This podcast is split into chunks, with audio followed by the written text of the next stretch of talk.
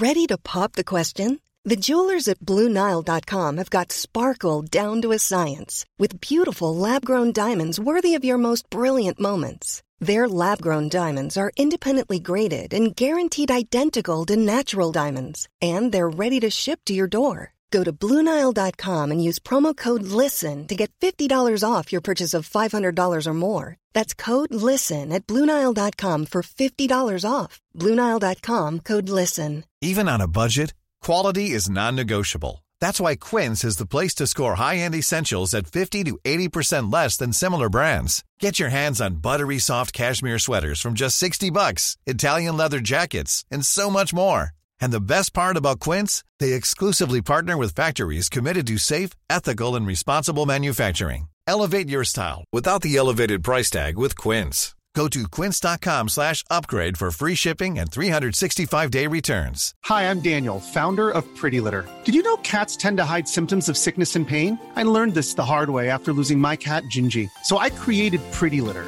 a health monitoring litter that helps detect early signs of illness by changing colors, saving you money and potentially your cat's life. Pretty Litter is veterinarian developed, and it's the easiest way to keep tabs on your fur baby's health right at home. Go to prettylitter.com and use code ACAST for 20% off your first order and a free cat toy. Terms and conditions apply. See site for details.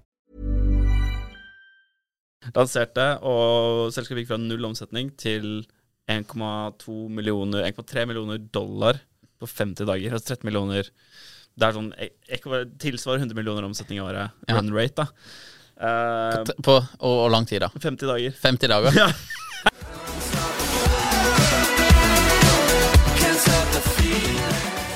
Velkommen tilbake til en ny episode av Impressions Podcasten. I dag har vi med oss en eh, veldig spennende karakter. Didrik Dimmen, velkommen til oss. Tusen takk. Tusen takk. Du er jo eh, Hvor gammel er du? 30 30. Fra Bærum. fra Bærum. Fra Bærum. Og du har drevet med veldig mye forskjellig. Du er jo Jeg ville jo kalt deg en serieentreprenør, men eh, en serie er kanskje mer enn to eller tre, men eh, jeg vet ikke hvor mange du trenger for å være serieentreprenør. Men du har drevet med BMX, eh, holdt på med mye i det. Du har vært eh, markedssjef og en av gründerne av startupen Flow Motion. En av de kanskje mest eh, omtalte startupene, eh, iallfall eh, før 2020. eh, du har jobba i Remarkable eh, med marketing der. Og så er du nå CEO og en av medgründerne av selskapet Auk. Velkommen til oss. Thank you. Var det en utfyllende, eh, cirka utfyllende beskrivelse av det? Ja, jeg tror det HB har flere fasetter med meg, bare enn eh, Men eh, det var det, ja. Det er, eh, det er det som har definert kanskje min, eh, mitt voksne liv, eller fra 15 til Ja, Ja. definitivt. Ja. Eh, og satt meg inn på det sporet som jeg er på, eh, og kommer mest sannsynlig til å være på resten av livet, slik jeg ser for meg nå. Ja. Så det er, ja, på beskyttelse. Ja, for du, du er på en måte en av de jeg kjenner som er sånn gründer-gründer. Du er på, det, det, virker, ja, men det virker som det ligger liksom i ryggen til deg. At eh, du, du skal gründe ting.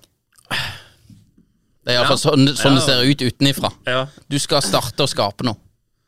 Ja, det er altså um, jeg, jeg er jo en, en kanskje litt ukonvensjonell oppfatning, men jeg tror vi, altså vi mennesker er jo skapt eh, for å bygge ting, utvikle oss, lage nye ting. Er derfor vi, har- vi har laget teknologi og hus og hjem, og vi har avansert forbi alle andre raser på denne jorden. da. Og Det er fordi vi har sånn en indre drive til å skape ting. da. Ja. Det er derfor folk pusser opp, liksom, for de skal skape et finere hjem osv. Så, videre. så jeg tror livet handler om prosjekter, og jeg tror kanskje det å, det å starte en business, eller starte et for, for, foretak, eller en organisasjon, eller en gruppe mennesker som jobber sammen mot et felles mål, er kanskje det Q, Eller det er også som kan flytte størst fjell her i verden. Da. Du klarer ikke det alene, du må gjøre det med det eneste måten du kan flytte fjell på, er å få med mange andre til å flytte det fjellet sammen med deg. Ja. Så jeg tror liksom den, det å skape en business er Eller i hvert fall makser ut det behovet da vi mennesker har til å utvikle oss selv. Ja. Eh, så det er en veldig kul arena å realisere det på. Og jeg er kanskje det er mange som spør sånn Ja, da er du gründerspire, og hvor, hvor kommer du fra? Sånn, så jeg vet ikke om jeg har et sterkere behov for å realisere meg selv og bygge ting enn andre mennesker, eller om bare om jeg har mindre sperrer som gjør at jeg har en større tendens til å gjøre det enn andre. Jeg vet ikke. Jeg vet ikke. Nei. Um, det er for et megainteressant te- tema som vi kan snakke om timevis om. Ja, men det er, veld, det er veldig interessant tema. For det er jo liksom eh, du, du begynte med BMX og disse her. Du har jo du har en far Ja. som er helt rå. Ja. Eh, ja, men, det har du. Shout-out til far, for Du pappa har din. vært med du og Tam når vi kjørte. Det er helt legende. Eh, din far er helt legende, Eh, så shout-out til han. Ja. Men eh, er han gründer, eller er din, din mor gründer, eller er liksom, driver de for seg selv? Eller hvor, hvor kommer på en måte den her gründerspiren din fra? Så med det backdropet at vi på en måte mennesker har det i oss, i Ja. å bygge ting. Det er det vi, det er det vi på en måte lever for. Det er derfor vi lærer å gå, og ikke bare krabbe resten av livet. Uh, så videre. Jeg, tror, jeg tror jeg var litt heldig, fordi jeg drev med Jeg drev eh, Eller relativt tidlig var jeg kanskje ganske individuell, da. Så jeg, jeg drev med fotball og sånne ting, men så begynte jeg med noe som heter BMX-sykling, som er freestyle på sykkel. Eh, for de som ikke kjenner til BMX, så er det bare at du skal ta triks. Det er snowboard bare på sykkel. Triks i sykkel. Hoppe på stor hopp og gjøre triks. Så det er en individuell idrett hvor du er på en måte selv ansvarlig. Du har ikke noen trenere, du har ikke noen coacher. Du er bare, du er bare deg selv, da. Og du ser for deg triks og lyst til å lære deg, og så går du og lærer det, på en måte. Og jeg em, jeg fant min plass da, veldig i den sporten. Jeg drev med fotball, det var kult å være lagsport, og sånne ting, men jeg fant veldig min plass i liksom ah, shit, det er jævlig kult å bare lære dette trikset. Så det på en video og tenkte kanskje jeg kan prøve det sånn, og så gikk jeg ut og prøvde. Og fikk liksom umidde- umiddelbar feedback og progresjon. da. Pro ingenting som er så motiverende som progresjon, uansett hva du driver med, tror jeg. Ja. Um, så BMX var kanskje første realisering av det, og så drev med det hele ungdommen. Jeg var liksom, Alle mine ungdomshelter var BMX-helter, og det var, liksom, det var det jeg drev med da. Mm. Ikke skatesko, var liksom, det var 100 um, Og så husker jeg um, Eller så, når jeg ble litt eldre, uh, så jeg hadde mye mattefag og sånn på videregående, likte de fagene godt, og begynte på en ingeniørstudie på NTNU. Eh, samtidig som jeg hadde liksom et dobbeltliv med BMX-sykling. Jeg var BMX-syklist i helgene, gikk rundt og reiste på konkurranser og hadde sponsor og alt sånn, og så var jeg student i ukedagene. Um, og så Det som skjedde Så da hadde jeg på en måte BMX var liksom mitt prosjekt, da hvor jeg kunne liksom bare kjøre på selv. Det er ikke noe capex. så Det koster ikke å komme i gang med BMX-sykling. Det er sånn Du kan bare fortsette på det. Eh, og så, så da fikk jeg liksom realisert behovet, og så tok jeg steget videre og startet et BMX-showselskap mens jeg gikk på NTNU. Um, hvor jeg på en måte egentlig fikk dyppe tåene i gründervirksomheten for første gang. da Og da var det veldig smooth overgang fra BMX-syklingen. Vi ble egentlig Det var så smooth overgang at vi ble oppringt en dag og spurt om vi kunne gjøre et show på Norway Cup. ja, fett. Um, så det var veldig Og da var det sånn De ringte og spurte kan De gjøre De hadde sett oss på Ekstremsport og på en eller annen konkurranse. Og så ringte og spurte om vi kunne gjøre et show, og så var jeg sånn ah, Jeg har ikke noe ramper eller noen ting. Og så tenkte jeg sånn ja, vi kan sikkert få til Vi kan lage noen ramper så vi kan sette opp det her den dagen, og så gjøre noe triks og sånn. Og så sp spurte jeg liksom eh, Måtte jeg finne hva de ville betale for det? Mm. så jeg var sånn Så hun spurte hvor mye det kostet, og jeg var sånn Nei, det koster 50 000, da. Ja. Det var sånn helt latterlig høyt tall, for jeg, jeg hadde jo ingenting. Så var sånn og så sa, kom hun tilbake Nei, det var, litt, eh, det var litt dyrt. Vi har 45 000 i budsjett. Eh, og da var vi i gang, liksom. Da, det er klasse. da, da var vi i gang. Og um, Eller faktisk, nå skal jeg ikke glemme meg helt her, fordi jeg fikk um, Min gamle sjef på G-sport, eh, som du også kjenner Hvem? Um, Nordlendingen. Nå, eh, Vegard? Vegard. Også en legende som fortjener Også- ros. Ja, Ja. men definitivt, definitivt eh, en sjukt bra person som Ja. har eh, en fantastisk initiativtaker. Og han eh, var jo Jeg tror han eh, Jeg var jo ansatt i G-sport på videregående. Mhm. Og så var han, gikk han forbi der vi hadde syklet uh, Hadde sånn dirt jump-park. Eh, og så så han hoppene. Hva faen, det her var dritkult. Kanskje vi kan ha en oppvisning på Jeg tror han skulle arrangere Sykkelens dag på Storsenteret. Mm. Eh, og da tok han initiativ til å få bygd en rampe og ha show den dagen. Ja. Så han var faktisk den som på en måte dyttet, eh, dytt, altså, tok det første steget da til dette BMX-show-selskapet. Og så, um, Da var vi litt i gang, og så ringte Norway Cup. Eh, så solgte vi den der. Og da sa pappa bare sånn Faen, du burde bare kjøpe en lastebil. Mm. For det er jo Hvis du hadde en lastebil, så kunne du ha alle rampene inne der. Kjøre rundt på venter. Og så fikk han faktisk leid, lånt en lastebil til dette første eventet. da Så bygde vi Eller hadde fatt fått noen ramper og leide en lastebil for å kjøre til et Norway Cup-eventet. Mm. Og da var vi i gang, ja. Da i gang. Gjennomførte, gjennomførte showet. Det var dødssuksess. De, var, de bookte oss inn tre år på rad etterpå, fordi de digget det. Ja. Uh, og da brukte jeg alle pengene Uh, på å investere i en Da kjøpte jeg en lastebil etterpå.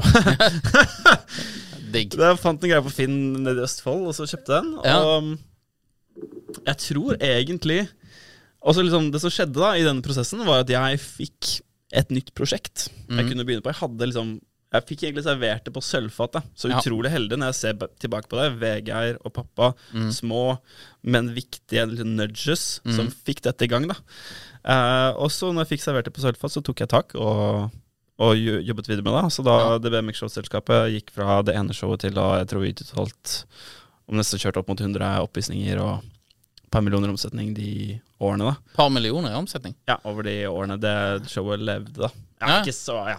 Halvannen Utrolig Det var utrolig nice Utrolig nice businessmodell. De første showene betalte for Brukte alle pengene på å kjøpe lastebil og pusse opp rampen. Mm. Og så hvert show så liksom kjøpte vi nye ting. Vi brukte egentlig de første 300 000 bare på å fikse oppsettet. Ja.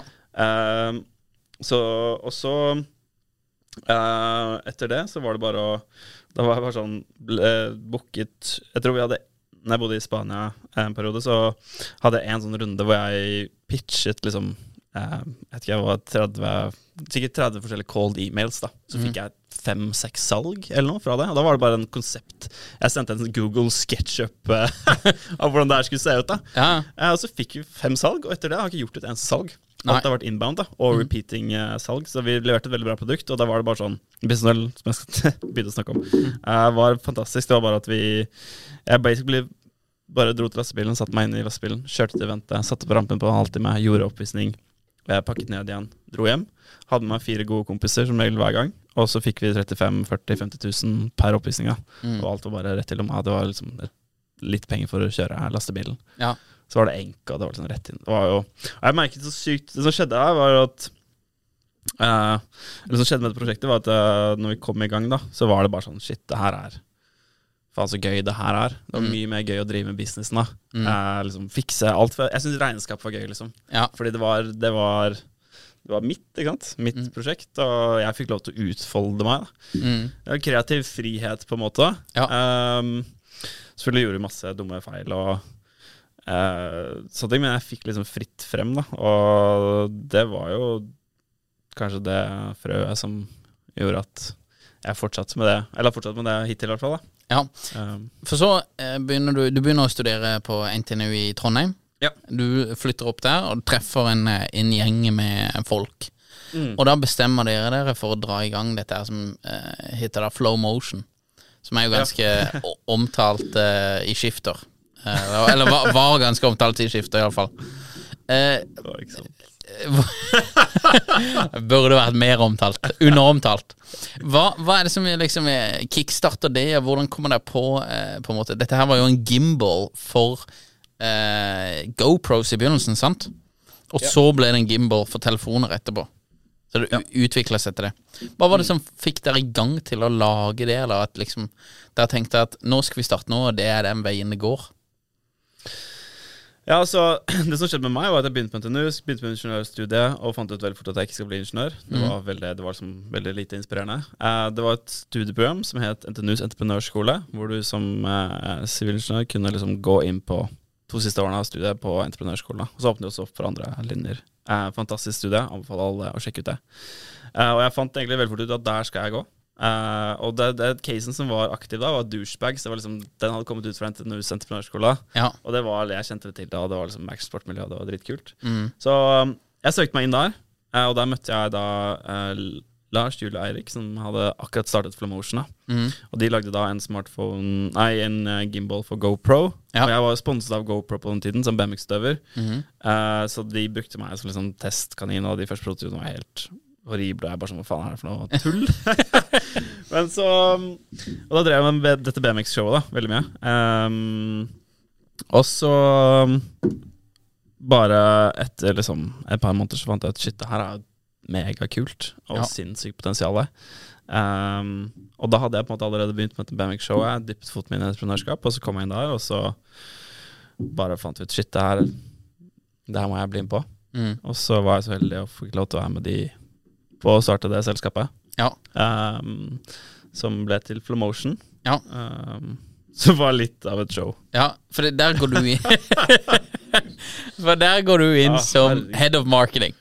Ja, altså, det var litt sånn Det ble naturlig at jeg tok marketingrollen, fordi jeg var på en måte ble ansiktet utad og hadde jobbet på en måte med marketing. Jeg hadde et BMX-show og meg selv som BMX-døver. Mm. Så jeg hadde jo ingen formell ma- marketingbakgrunn i det hele tatt. Um, Jeg var en grå sivilingeniør, holdt jeg på å si. Ikke helt grå, men Men ehm, uh, ja, så da ble det Det ble bare tidlig. det. ble, jeg tror tidlig fase i gründerselskaper så er det sånn man ja, Og her var vi studenter også. Vi, vi var, vi ante ikke hva vi drev med på noen som helst måte. Nei. Um, hva vi skulle bli eller noen ting. Så det bare falt på plass, da. Og jeg var ute og lagde videoer, og så bare begynte jeg å poste de på begynte vi å, ja, Så ble det liksom Så ble det til, da. Så da tok jeg marketingrollen, Ja.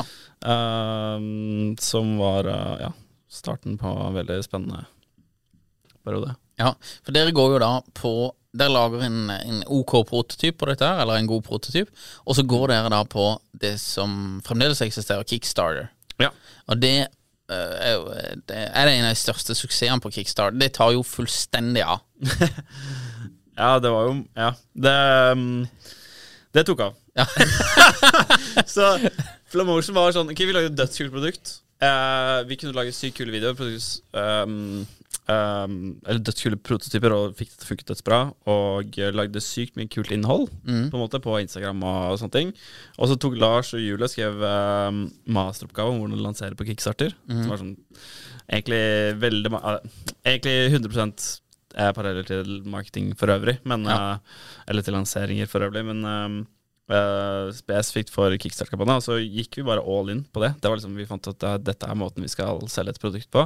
Ja. Um, og da var det internasjonalt fra dag én. Ja. Uh, alt var på engelsk. uh, worldwide. Eh, og vi bare Ja, vi Hva var det vi gjorde på den tiden, da? Vi, eh, vi var ute og lagde jævlig mye kule filmer, for det var jo et uh, filmprodukt. Og så forberedte vi denne kampanjen, da. Mm. Uh, lenge, lenge før uh, Som skulle vise seg å være en stor tabbe, men lenge, lenge før produktet var ferdig. Mm. Um, hvor vi bare hadde prototyper som vi trodde var enkelt å masseprodusere. Ja. Eller ikke så vanskelig som det skulle vise seg. Og så gikk vi all in på Kickstarter, lanserte, og selskapet gikk fra null omsetning til 1,2 millioner 1,3 millioner dollar på 50 dager. Altså 13 millioner Det er sånn tilsvarer 100 millioner omsetning i året. Ja. Run rate, da. Uh, På, og, og lang tid, da? 50 dager. 50 dager? Ja. Og det var bare sånn Det gikk jo Vi gikk fra liksom, Vi var bare levde i en liten boble på NTNU, da. Ja. Bare sånn Vi var liksom en gjeng seks-syv ingeniører som holdt på å lage det produktet her, og var ute og Drev masse sånn pitchekonkurranser for å få oppmerksomhet, og fikk mye traction. da for Vi lagde kult, eh, en veldig bra forretningsplan, og det var veldig mange som syntes dette var spennende ikke lærte oss selv, men at det skulle ta sånn, Eller skulle gå fra 0 til 100 så fort. da Det var Ja. ekstremt sånn binærevent som bare Det, bare det var sånn flip the switch. da Ja. Så var plutselig selskapet noe helt annet enn det det var dagen før. Mm. Eller 50 dagene før.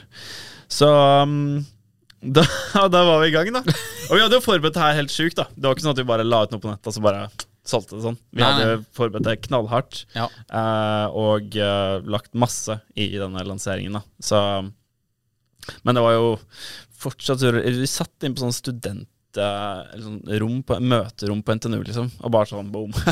Tikket inn en million kroner i salg i dag, liksom. Og bare sånn Ja, For det får dere pengene? Hæ, Ja, vi får peng Nei, vi får pengene etter kampanjen er ferdig. Ja, ok. Ja, Da får du alle pengene. Selv om det er forhåndslag, så får du alle pengene. Og det er viktig at det var en forhåndssalgs Altså Kickstart er en sånn forhåndssalgskampanje. Ja. For da får du bare plutselig 13 mill. inn på konto. Ja. Mm. Ja, ikke ha noen produkter.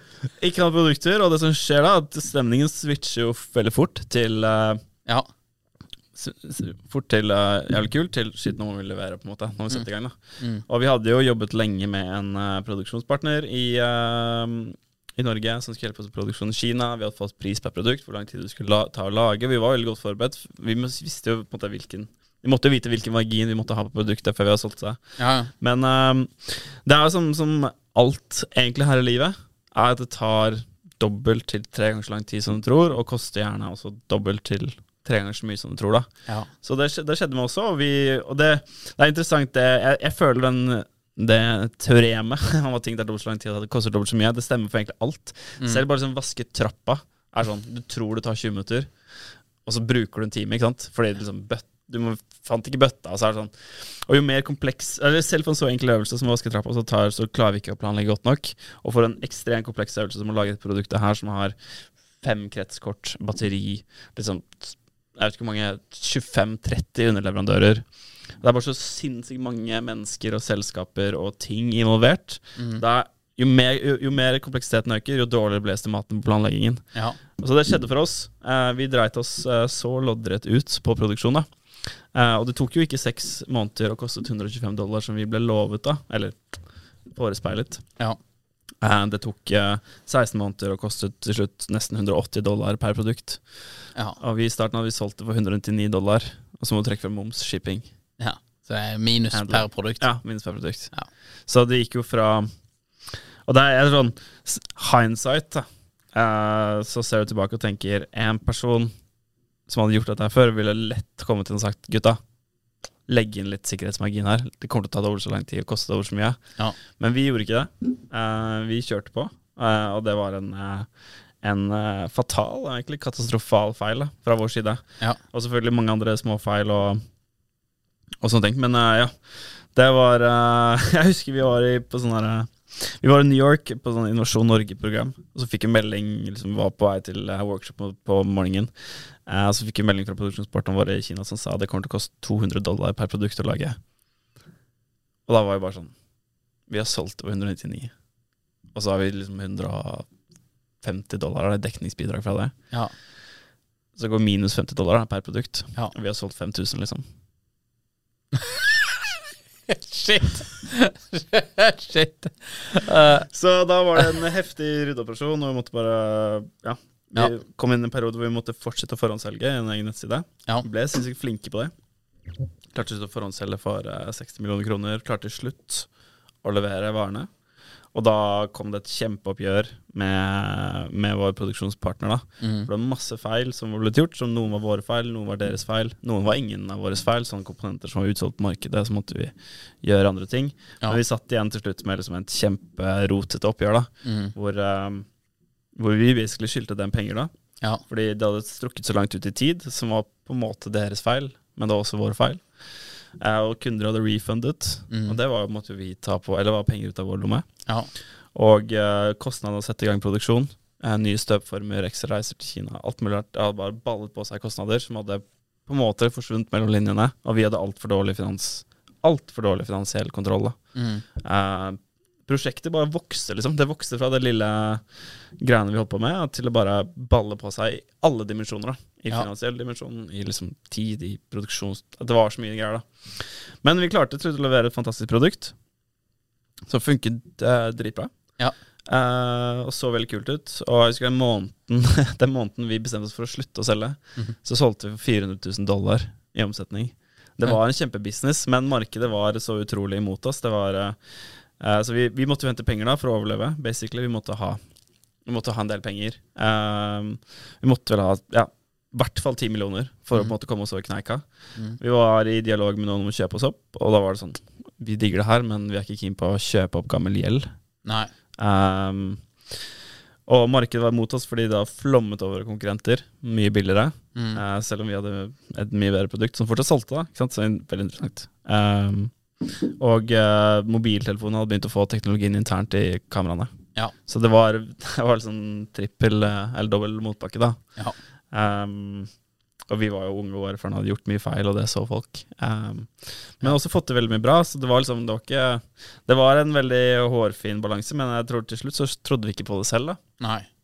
Jeg trodde ikke på det selv, og da etter vi hadde grinda ut i liksom et halvt eh, ni måneder lenger enn vi egentlig kunne. Da levde vi på liksom Da var det egentlig slutt for ni måneder siden. Og så Ja. bare det siste var det dritseigt. Vi prøvde å hente penger, og kommer med liksom dårligere og dårligere pitch da til investorer fordi du bare er mer og mer desp. Eller det er liksom verre og verre situasjon, da. Ja.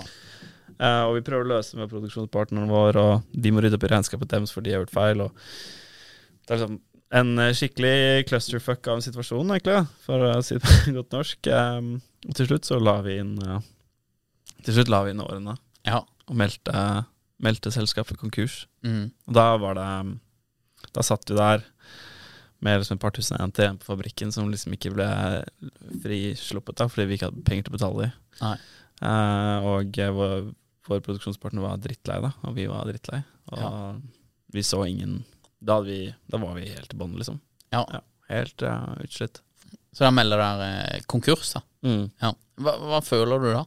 når de gjør det? Ja, akkurat da var det Akkurat da var det en vekt av skuldrene våre, da. Ja. For da har du gått og båret på dette her veldig lenge, og i veldig veldig lang tid så bærte vi det på det hemmelig. Mm. Altså Vi sa det ikke til folk, da. Vi sa det ikke til venner, vi sa det ikke til Eller de nærmeste så det på, så si. Men eh, jeg husker det var en veldig interessant vendepunkt hvor Skifter hadde begynt å En sånn nyhetsavis eh, som hadde begynt å snuse på at noen kunder hadde blitt misfornøyde og ikke fått produktene sine.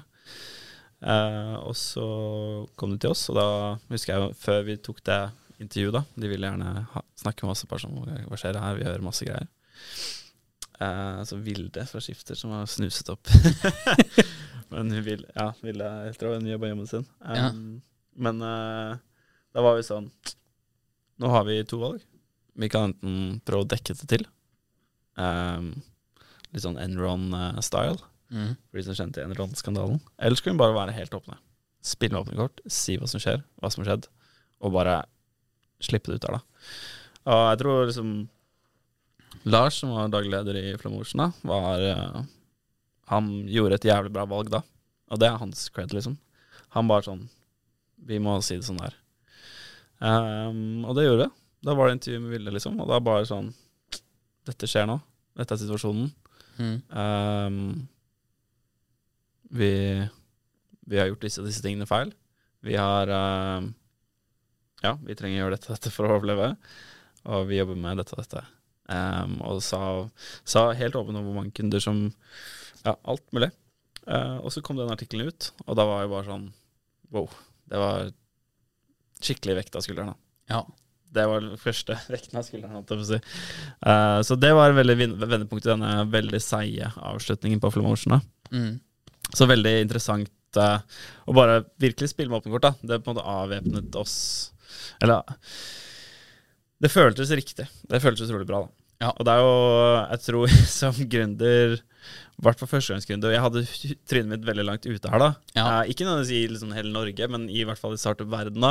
Mm. Og blant vennene mine, og alle trodde det var en supersuksess. ikke sant? Da hadde vi gått og holdt på den hemmeligheten at alt inn- innvendig så gikk ting til helvete. Mm. Altfor lenge. Eh, og jeg følte på Du føler på skam, ikke sant? Eller Ja. du, er, du føler jo liksom bare sånn Hva skal alle si, og folk tror det er ja, får ikke du er en taper. Liksom. Eller sånn. Du har alle disse tankene. Du, du slår deg selv jævlig hardt ned. Ja. Um, og det Det å gjøre det vi gjorde da, var Ja, føltes veldig bra for det òg, da. Det Ja. var bare sånn Ja. Mm, Klarer du å, å, å, langt svar. Ja, ja men det, det er fint svar.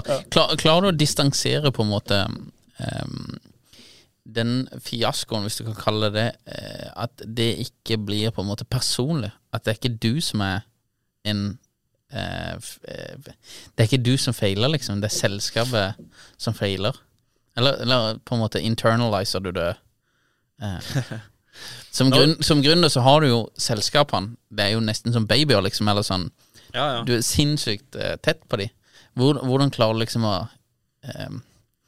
holde hodet kaldt, eller holde hodet sane i en sånn situasjon?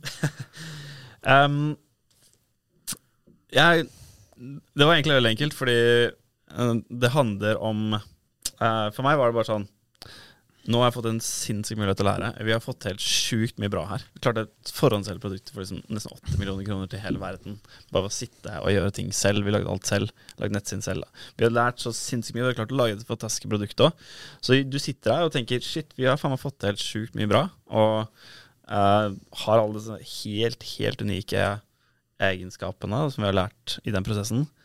Uh, og det gjør Det er sånn indre motivasjon. Jeg tror så lenge jeg sånn generelt i livet lærer og føler jeg utvikler meg, så er jeg happy da. Hvis jeg ikke har det på plass, så er jeg ikke happy. Uh, så jeg tror Det var bare sånn Ok, dette var dritkjipt, liksom. Vi fucket skikkelig opp på disse tingene. Uh, men så klarte vi alle disse andre tingene bra. Se på hva vi har lært, liksom. Og det føltes utrolig bra. Uh, og der og da så er det når stormen står på som verst, så føles ting dritt, selvfølgelig. Men etterpå så er det bare sånn Shit, ok. Det var én byggesten i livet, liksom. Nå er det neste tid for neste, da. Ja. Neste byggestein. Bygge sten på sten. Uh, jeg kommer til å mest sannsynlig drive med startups resten av livet. Og det å bare være gjennom en, en krise og motgang uh, det er bare karakterbyggende, tror jeg. da Ja. Selvfølgelig kjipt når det står på. Jeg skulle gjerne bare hatt suksessen. At det, at det bare var suksess hele veien. Ja. Men eh, Hi, I'm Daniel, founder of Pretty Litter. Did you know cats tend to hide symptoms of sickness and pain? I learned this the hard way after losing my cat, Gingy. So I created Pretty Litter, a health monitoring litter that helps detect early signs of illness by changing colors, saving you money and potentially your cat's life. Pretty Litter is veterinarian developed, and it's the easiest way to keep tabs on your fur baby's health right at home. Go to prettylitter.com and use code ACAST for 20% off your first order and a free cat toy. Terms and conditions apply. See site for details. Hiring for your small business? If you're not looking for professionals on LinkedIn, you're looking in the wrong place. That's like looking for your car keys in a fish tank. LinkedIn helps you hire professionals you can't find anywhere else, even those who aren't actively searching for a new job but might be open to the perfect role. In a given month, over 70% of LinkedIn users don't even visit other leading job sites. So start looking in the right place. With LinkedIn, you can hire professionals like a professional. Post your free job on linkedin.com/people slash people today. Jeg tror i det store bildet så lønner det seg, da. Eller Ja. så, er det, så er det bra. Ja. Det er veldig interessant, dette. Det, jo, det var jo en sånn vurdering som jeg tenkte når vi starta for, Ja. for oss. Så er det på en måte ok, det å være gründer i Norge, da. Eh, hvordan er det kontra andre land? Det ene er jo, som jeg prata om eh, på en tidligere podkast også, men den økonomiske risikoen du tar, er jo ikke sånn sinnssykt høy, på grunn av at eh, vi har jo Nav. Så hvis vi ikke får til Hvis vi ikke får til på en måte eh, selskapet vårt, da, eh, så havner jeg på Nav. Eh, Og hvor ille er det i på en måte Havner du ikke på Nav, Bastian. Nei, det havner ikke på Nav. Ja, men få, få deg en annen jobb, da. Men det er liksom Det er på en måte en bunn, da. Ser deg på den, den dagen jeg ser deg på Nav, ass. Nei, nei, nei, men det er en bunn, da. Ja. Worst case, da. Så du, du, du går liksom ikke til null kroner uh, og bare mister hus og hjem, og du har, du har ikke råd til mat eller noen ting, da. Mm. I, I forhold til mange andre land, da, eh, hvor du, hvis du starter for deg selv, så, så går du så på trynet at Hvis du går på trynet, så du har liksom ikke noe valg, da. Så er det jo det andre, selvfølgelig skam, skammen og på en måte ydmykelsen av å ikke få noe til til dine peers eh, og på en måte venner og sånn, da. Men jeg, jeg, jeg tror eh, Dette er jo Jeg kan sikkert prate en hel podkast bare om det, men ja. Det er men jeg, jeg, jeg tror um, at um, andre gründere, eller andre som driver for seg selv, tror jeg har veldig mye mindre på en måte meninger og fordommer mot folk som prøver seg og ikke får det til, av at de eh, skjønner mer risikoen du tar og utfordringene man står overfor og sånn, da. Jeg tror det er mm. mer fordommer fra folk som, eh, som ikke har prøvd, eh, som egentlig ikke skjønner helt hva du holder på med. Eller hva du prøver å få til, eller sånn. Men jeg vet ikke om du tenker det samme, eller hva, hva du tenker. Kanskje det bare sitter i eget hode også. Jeg, jeg tror det sitter veldig mye i eget hode. Ja. Vi er sosiale vesener. Vi er så sjukt opptatt av hverandre tenker på oss. Ja. Uh, og noen av oss er mer enn andre. Uh, men uh, jeg, jeg, jeg tenker sånn Eller for meg, jeg, tenker ikke på det hele tatt. Nei. Jeg tror, jeg tror du bare Jeg tror du bare står så sykt mye stødigere i egne sko da Ja. hvis du har vært gjennom noe vanskelig og kommet deg ut av det. Um, og godt, selvfølgelig Hvis du har gjort dumdristige ting, da Hvis du har gjort noe sånn åpenbart dumdristig Det var Ja. sånn det var idiotisk, liksom, så er, det, så er det ikke så mye si, high purpose i det. da Men hvis du på en måte har bare gått all in og gjort ting så bra du overhodet kunne, og så ærlig du kunne, så tror jeg du får cred også av folk. da Ja. uh, Og da tror jeg Jeg tror generelt bare drit i hva andre tenker. En ting som er kanskje kult, eller fordelen, da, hvis vi skal se på plussiden ved å ha vært eh, har vært gjennom en, eh, en bølgedal, er jo at historien blir bedre den gangen det går bra. Ja. Uh, så det er jo på en måte jo, jo mer du kan øke kontrasten, da. Bare sånn når han var 19, så gikk det på trynet, og så var han Eller det blir mye fetere historie enn med større bølgedaler, da. Ja. Enn, uh, ja. Så det um, ja, Det er ikke noe altså, Sånn som vi feilet i Flamotion, så opplevde vi Selvfølgelig var det noen sikkert noen tenkte bare sånn ah, det var dårlig, de burde tenkt på dette og dette og dette. Uh, men uh, jeg har ikke opplevd så mye. Kanskje ikke folk tør å si det til, meg face to face, da, men, uh, og det er greit, men det er helt greit, liksom. Skal, altså, livet er langt, og vi skal gjøre dette resten av livet, så det er bare å Det har ikke noe å si om å gå på trynet. Det blir litt feiret også. Jeg tror det er en bra fail fast. Det er liksom sånn saying i Silicon Valley, og jeg vet ikke hvor det det er, men det, er, det er bra Jeg tror det er erfaring uansett, da. Ja. Og investorer sier sånn, det er mange som sa sånn Ja, kom tilbake etter du har faila din tredje startup, liksom. Da har du vært lært så mye. Du Ja. er klar for en suksess. Så det er jo, jeg tror sånn som i Når det er idretts eh, Hvis du driver med idrett, da, så må du bygge det opp fra bunnen. Ikke sant? Da, da må du jobbe som faen i starten eh, for å bli den beste. Og skal du drive med gründerskap, så må du jobbe som faen, og du må sikkert gjøre, gjøre noen feilsteg på veien. Eller det blir alltid Ofte blir det feilsegbein når du prøver å gjøre noe nytt du ikke har gjort før. da. Sånn er det alltid, uansett hva du gjør. Det blir, Du driter deg ut i starten. Um, så det er jo bare en, en naturlig del av det, liksom. Ja. Ja. Og som du sier, så er det Norge. Vi har det, det at vi har uh, I Norge har vi en begrenset nedside. Vi kan ikke havne på gata. Eller vi havner ikke på gata uh, med det første. Det er bra, fordi det gjør det, det gjør det safe å starte, og det gjør at det blir en asymmetrisk risiko å starte en startup, fordi du har en eh, begrenset nedside. Du kan gå lavere lønn, men du har en skyhøy oppside. Så det er veldig asymmetrisk risiko. du kan gå litt ned, men du kan gå liksom, uendelig opp. da. Så det er jo et åpenbart bet. Jeg skjønner ikke hvorfor alle ikke gjør det her. Nei.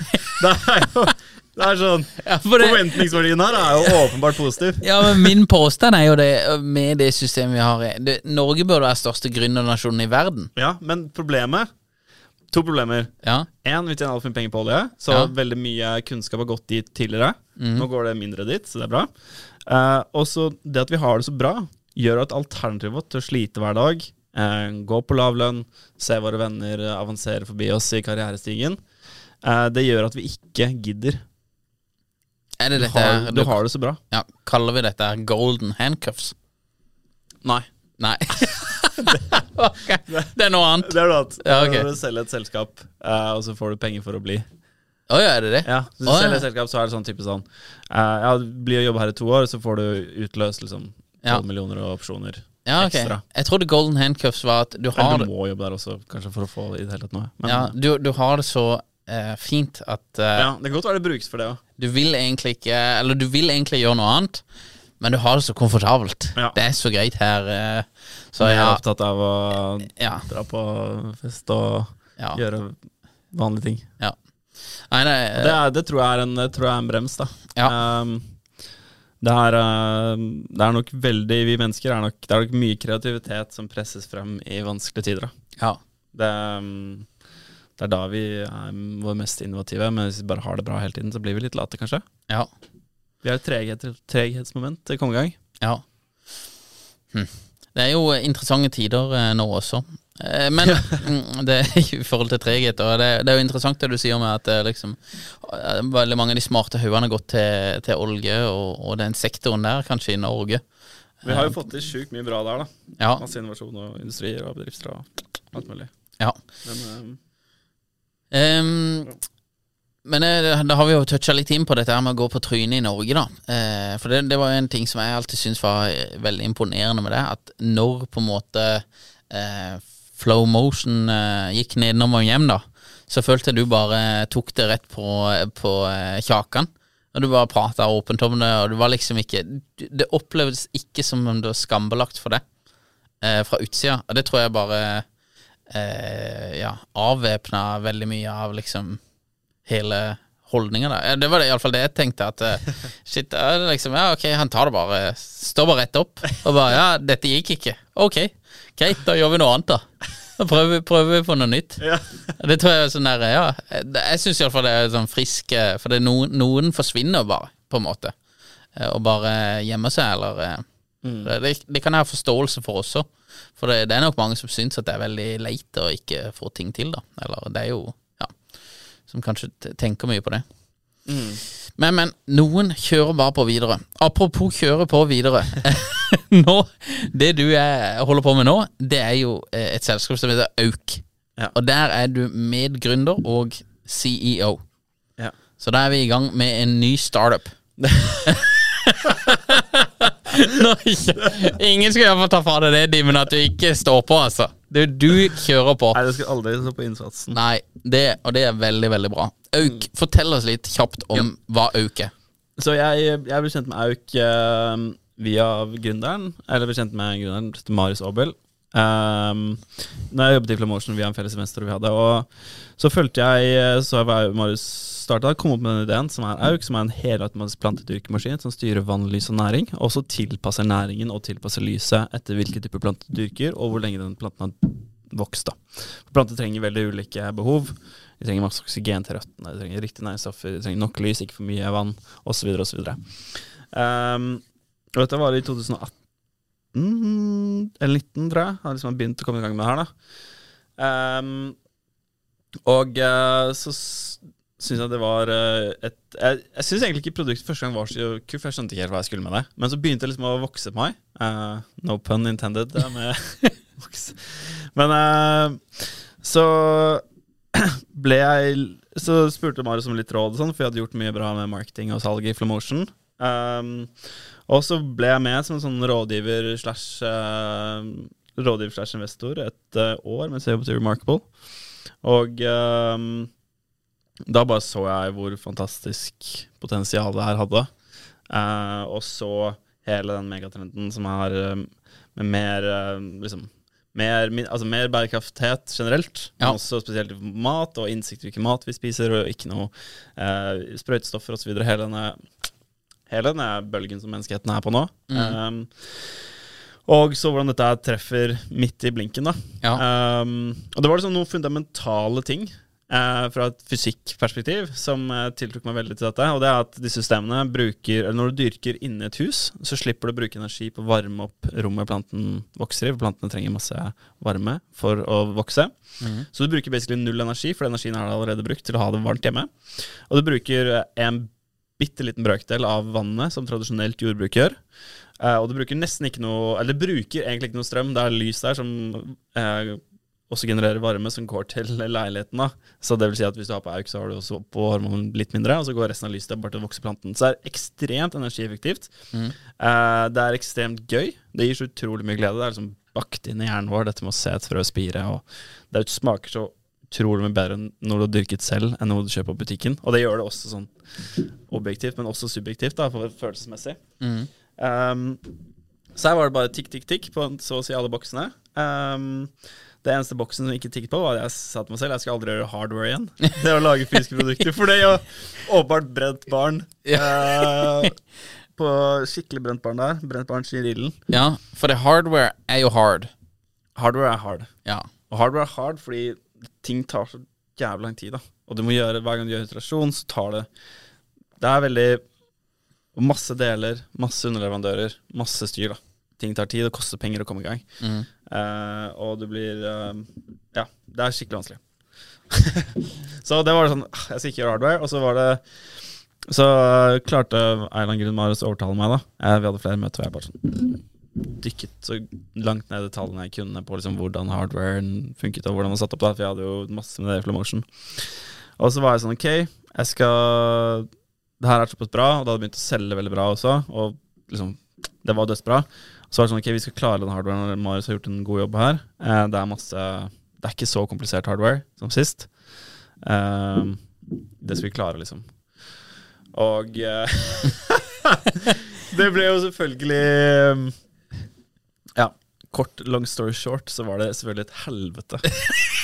ja, det var Du går jo på med frist mot, iallfall. Ja. Det skal du ha!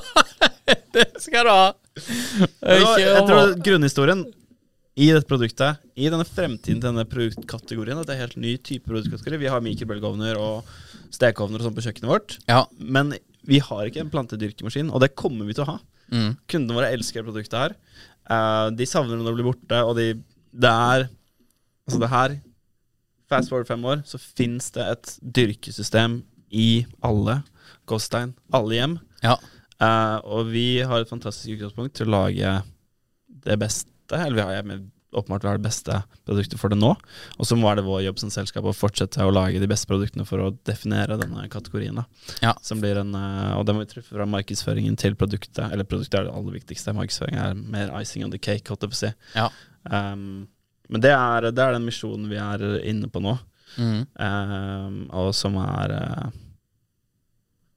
fremtiden, da. Ja, mm. for det, dette her er jo på en måte Auke er den nye mikrobølgeovnen.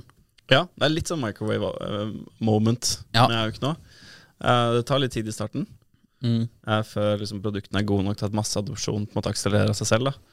Mm. For vi har jo ikke råd til å dytte dette markedet. Markedet må Eller på en måte Ja. Det tar tid i starten Ja. eh, med alle nye kategorier, eh, men eh, det her er utrolig spennende. Tror du folk ikke skjønner helt eh, eh, at de trenger dette her, eller har lyst på dette her? For det, jeg, bare, jeg bare ser Mm. på disse her som har kjøpt det, og reviewsene. Det er sin, Folk digger det, liksom. Ja, ja. Folk som har kjøpt det. Men eh, jeg vet ikke om alle vet at de burde kjøpe det. Alle digger, dig, digger det bortsett fra de i starten, altså. Fikk masse feil. Men de har vi reparert opp. Vi tilbyr alle tidligere kunder um, reparasjon. Ja.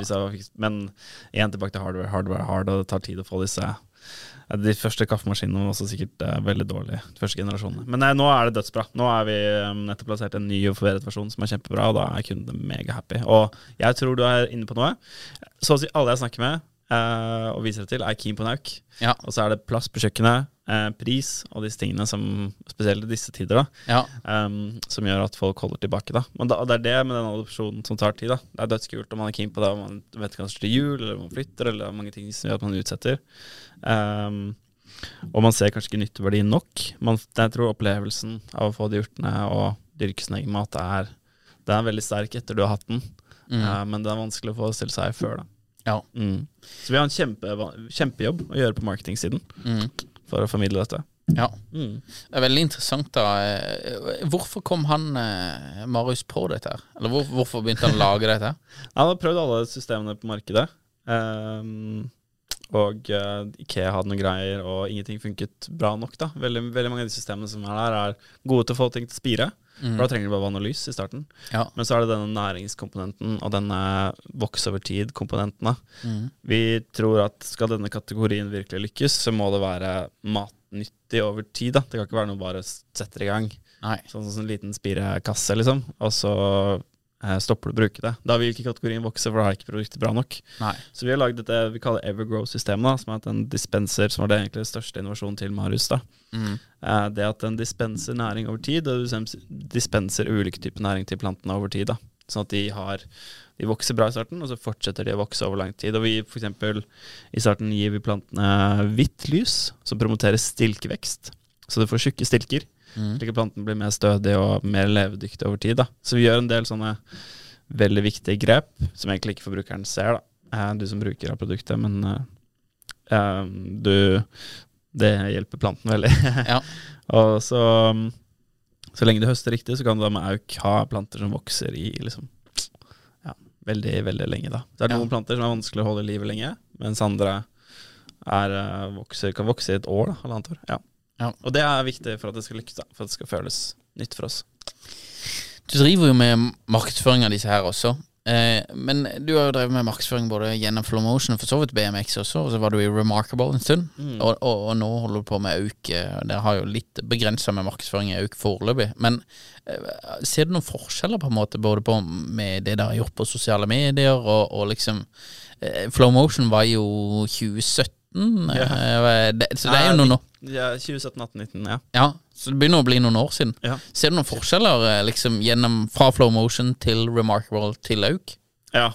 Uh, altså vi vokste Flowmotion vokste opp i og Remarkable for så vidt Vokste opp i golden days of uh, Facebook-annonsering. Jeg husker På den tiden så sa folk at golden days of Facebook-annonsering var før det igjen. Ja. Så det er det vi har sagt hele veien. da Men uh, nå er det enorm forskjell. da ja. Etter liksom GDPR. Da var det først Cambridge Analytica, så GDPR, og så IOS 14.5 som kom i fjor, da som var Ja. liksom en av de største nålene i høst. eh, ja. Ja. Spikeren i kista. Eller ikke spikeren i kista, men definitivt endre produktet, altså annonseproduktet, helt enormt. Så vi, Ja. Flowmotion og en liten side note. Jeg leste at Meta mener de taper 10 milliarder dollar i året på eh, IOS 14.5. Det som er interessant, det er hvor mye alle de små selskapene som har brukt Meta som vekstplattform, har tapt. Ja. Inkludert Auk. ja. Eh, og altså det har vært eh, Det har vært veldig mange selskaper som har vokst ekstremt mye på den Primært da, på det som man på vekstmotor. Mm. I marketing så må du selvfølgelig gjøre det bra, og bra nettside osv., men det har vært det som har boostet alle disse små selskapene. Ja. Og nå kan ikke de gjøre det lenger, da. Nå sliter de. Det er eh, inkludert Auk, og egentlig alle andre jeg snakker med. alle, ja, det er, det er, Nå er det allment kjent, på en måte. Ja.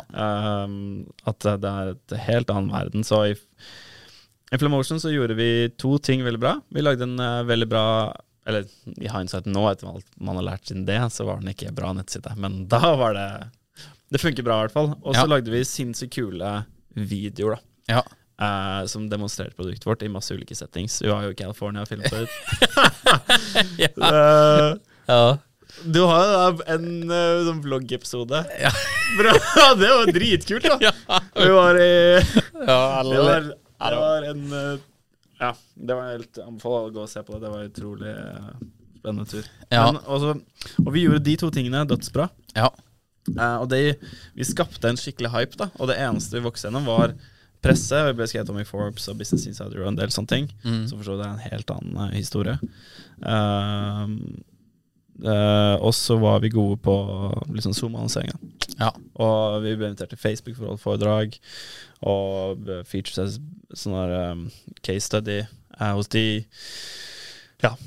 vi var skikkelig gode på det. Og det var det vi trengte for å vokse. Ja. Nå, nå funker ikke det lenger. Du har Minimize, en annen story, som egentlig hadde Altså en to-tre millioner omsetning i sånn fire år eller noe. Du kan gå på Proff og se her. Jeg har ikke tall direkte. Og så knakk de koden på Facebook Ads i sånn 2019 eller noe, og Mm. bare og Jeg tror jeg hoppet til 80 millioner omsetning, og så 105 Et eller annet sånt sinnssykt tall. Og så rett ned igjen. Ja.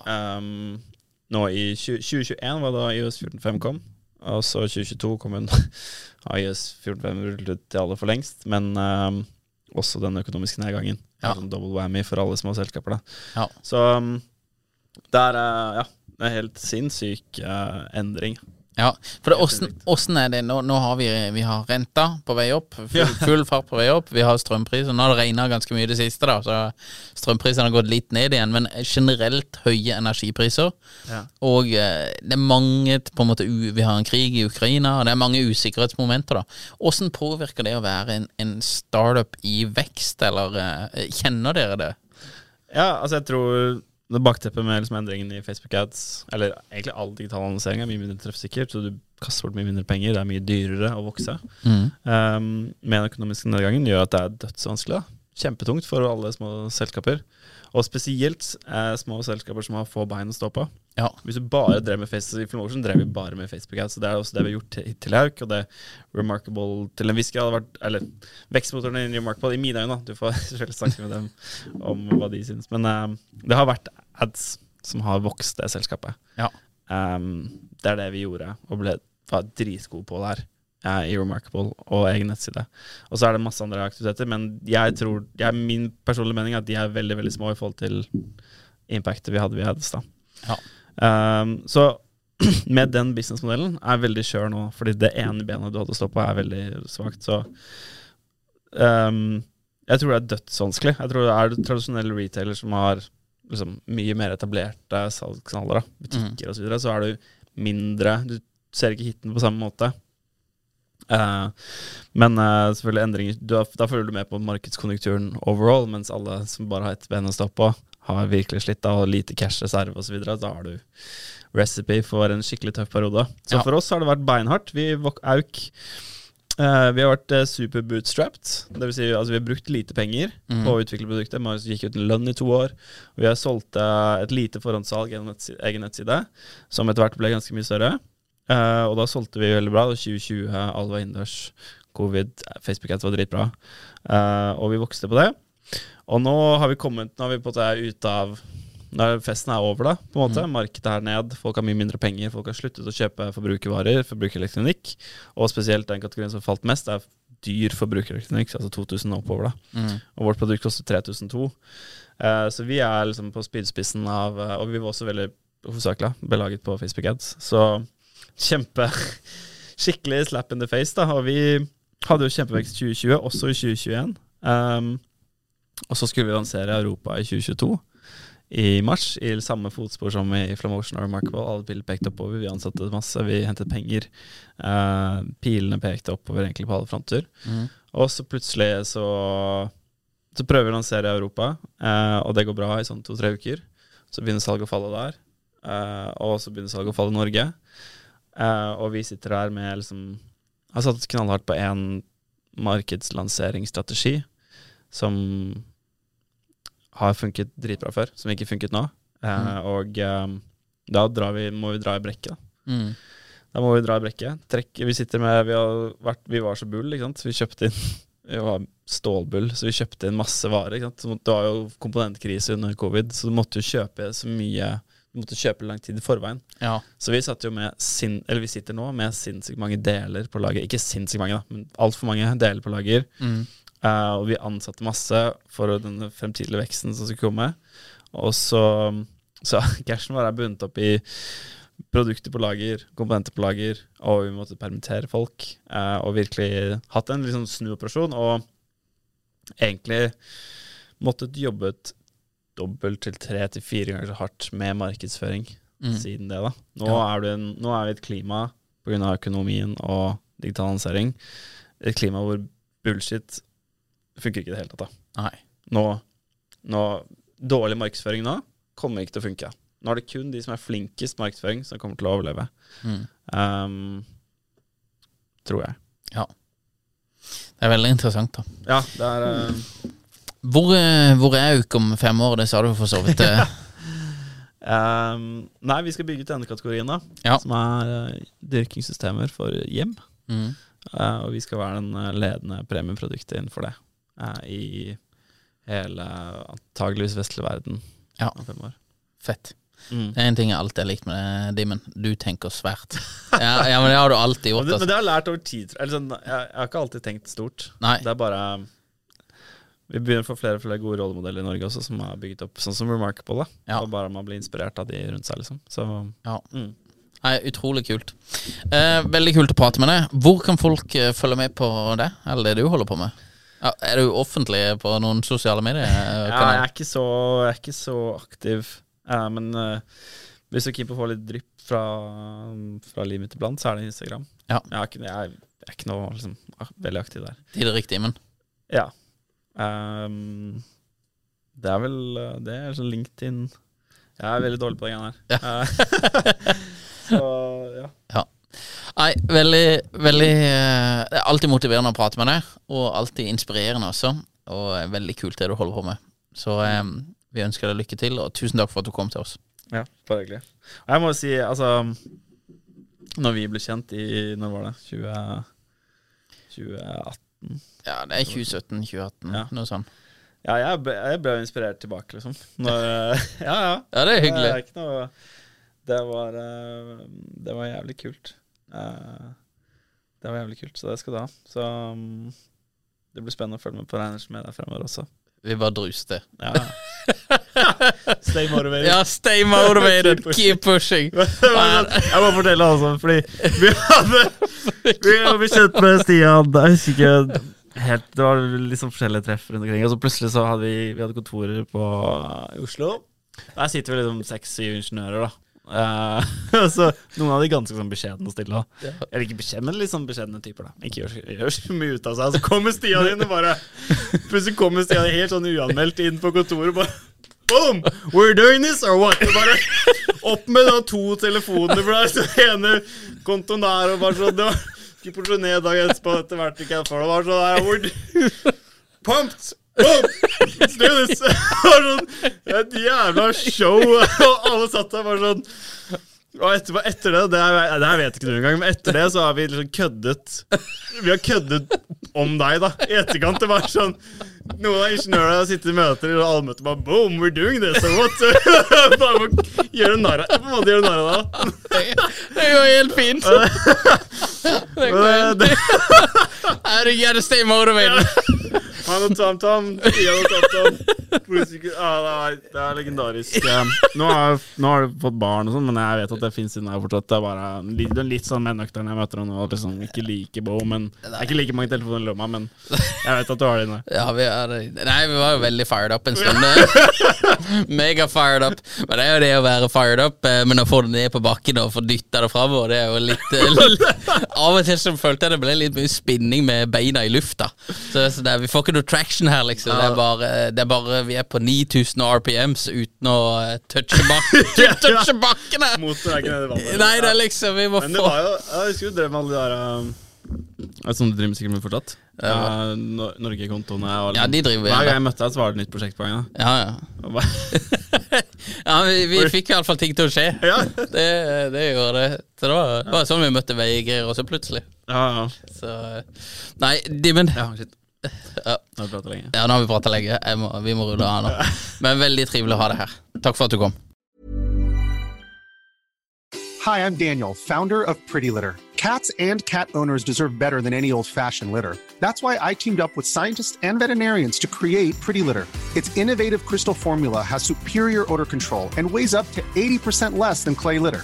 Pretty Litter even monitors health by changing colors to help detect early signs of potential illness. It's the world's smartest kitty litter. Go to prettylitter.com and use code ACAST for 20% off your first order and a free cat toy. Terms and conditions apply. See site for details. Hey, it's Paige DeSorbo from Giggly Squad. High quality fashion without the price tag. Say hello to Quince. I'm snagging high-end essentials like cozy cashmere sweaters, sleek leather jackets, fine jewelry, and so much more. With Quince being 50 to 80% less than similar brands. And they partner with factories that prioritize safe, ethical, and responsible manufacturing. I love that. Luxury quality within reach. Go to quince.com slash style to get free shipping and 365 day returns on your next order. Quince.com slash style.